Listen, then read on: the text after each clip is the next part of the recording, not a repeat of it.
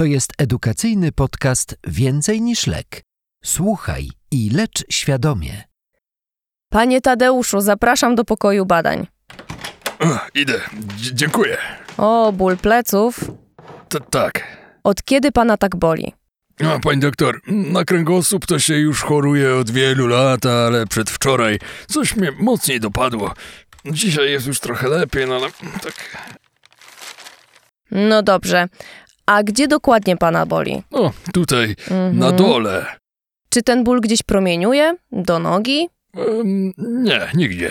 Mhm. Czy zauważył pan coś niepokojącego? Na przykład, e, żeby któraś z nóg była słabsza, a może jakieś drętwienie, gorsze czucie? Nie, nie, nic z tych rzeczy. No dobrze. Czy jeszcze coś się dzieje? Wie pani, tak jakby wysikać się do końca nie mogę. Mhm. Próbuję, chcę, ale no, czuję jakiś taki opór. Rozumiem. E, A czy do tego jakiś problem z oddawaniem stolca? No, wie pani, że problem nie, ale takie dziwne uczucie dziś miałem w toalecie. Takie, no, jakby to. Może drętwienie? O, właśnie. Lekarka bada pacjenta. Wrażenie ogólne dobre. Pacjent umiarkowanie cierpiący. Chodzący samodzielnie, ale z bólem. Bez objawów korzeniowych, bez niedowładów w zakresie kończyn. Bez objawów patologicznych. Ciśnienie 160 na 70. Tętno 80 na minutę. Temperatura 36,8 stopni Celsjusza. Saturacja 98%. Podczas badania per rectum zwieracz zaciska się na palcu, ale pacjentowi wydaje się, że trzymanie jest słabsze. Przy dotyku zgłasza gorsze czucie wokół odbytu i moszny. Poproszono pacjenta o oddanie moczu. W USG zaraz po mikcji obecna była umiarkowana ilość moczu. Po cewnikowaniu wypłynęło około 300 ml. Drogi słuchaczu, zastanów się, jak należy postąpić w przedstawionej sytuacji. Możesz w tym celu zatrzymać nagranie.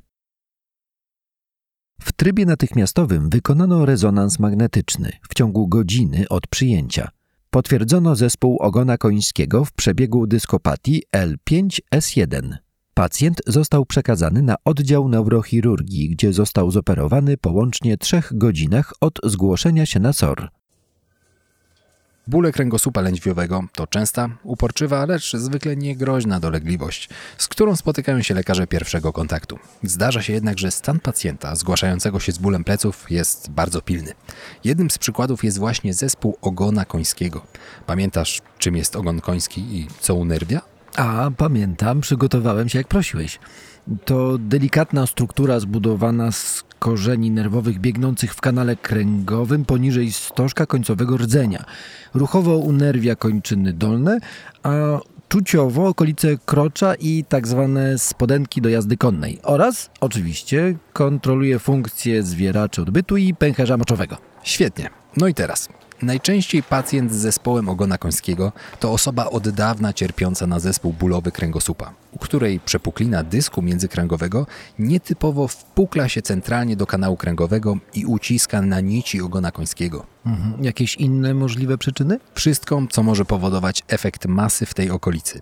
Złamania, guzy, ym, krwiaki y, lub ropnie wewnątrzkanałowe. U naszego pacjenta alarmujące były zaburzenia zwieraczy oraz czucia w obrębie krocza, tak? Stąd ta szybka diagnostyka i operacja? No dokładnie. Są to tak zwane objawy zwieraczowe. Dlatego zawsze jak podejrzewasz taką diagnozę, nie zastanawiaj się i nakładaj żel na palec. Oceń napięcie zwieracza odbytu oraz zobacz, czy występują zaburzenia czucia. Niektórzy nawet zalecają badanie per rectum u każdego pacjenta z nasilonym bólem kręgosłupa. Dobra. No i pewnie jeszcze dopytać o pęcherz i trudności z sikaniem. Tak, ale dopytaj też o nietrzymanie moczu, które może wynikać z przelewania się przepełnionego pęcherza. W ocenie zalegania moczu pomóc może Ci USG pęcherza świeżo po mikcji. Pamiętaj jednak, że brak zalegania nie wyklucza rozpoznania. Okej, okej. No coś jeszcze zwrócić uwagę? No, przy wyżej zlokalizowanych zmianach dodatkowo często występują trudności w chodzeniu, e, drętwienie i osłabienie siły mięśniowej kończyn dolnych. No a ból? Dolegliwości bólowe są często bardzo nasilone, ale nie muszą być dominującym objawem. Niepokojąca w kontekście bólu jest przede wszystkim obustronna rwa kulszowa. Dobra, czyli szybko trzeba zrobić jakieś badania obrazowe dla potwierdzenia. Nie jakieś, tylko pilny rezonans magnetyczny. Zespół ogona końskiego to jedno z niewielu wskazań, gdy takie badanie musi być wykonane w ciągu maksymalnie kilku godzin od przyjęcia. Ta. Ciekawe, ile jest w Polsce miejsc, gdzie uda się taki rezonans zrobić. Nawet jeśli nie dasz rady, to taki pacjent nie może być odesłany do poradni czy przyjęty na oddział, w którym będzie czekał na rezonans przez kilka dni. Każde zwlekanie z wykonaniem zabiegu może wiązać się z koniecznością dożywotniego stosowania cewnika w celu oddania moczu. Dlatego część neurochirurgów do zakwalifikowania do leczenia operacyjnego dopuszcza pilne TK kręgosłupa. Warto wówczas zadzwonić do konsultanta i zapytać, co proponuje. Brzmi rozsądnie. Ogromnie Ci dziękuję. Proszę uprzejmie. Zapamiętaj na Twój dyżur. 1. Gdy zgłasza się do Ciebie pacjent z bólem kręgosłupa, pytaj o problemy z oddawaniem moczu i drętwieniem okolicy odbytu. Zachowaj bardzo niski próg dla badania per rectum. 2.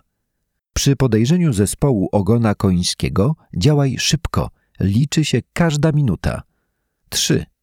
Wypisując pacjenta z bólem grzbietu, zaznacz w zaleceniach objawy zespołu ogona końskiego i każ pilnie wrócić do szpitala, jeśli się pojawią.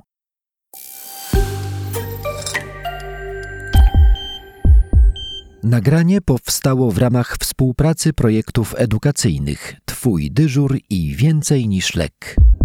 Po więcej informacji i ciekawych historii pacjentów wejdź na twójdyżur.pl.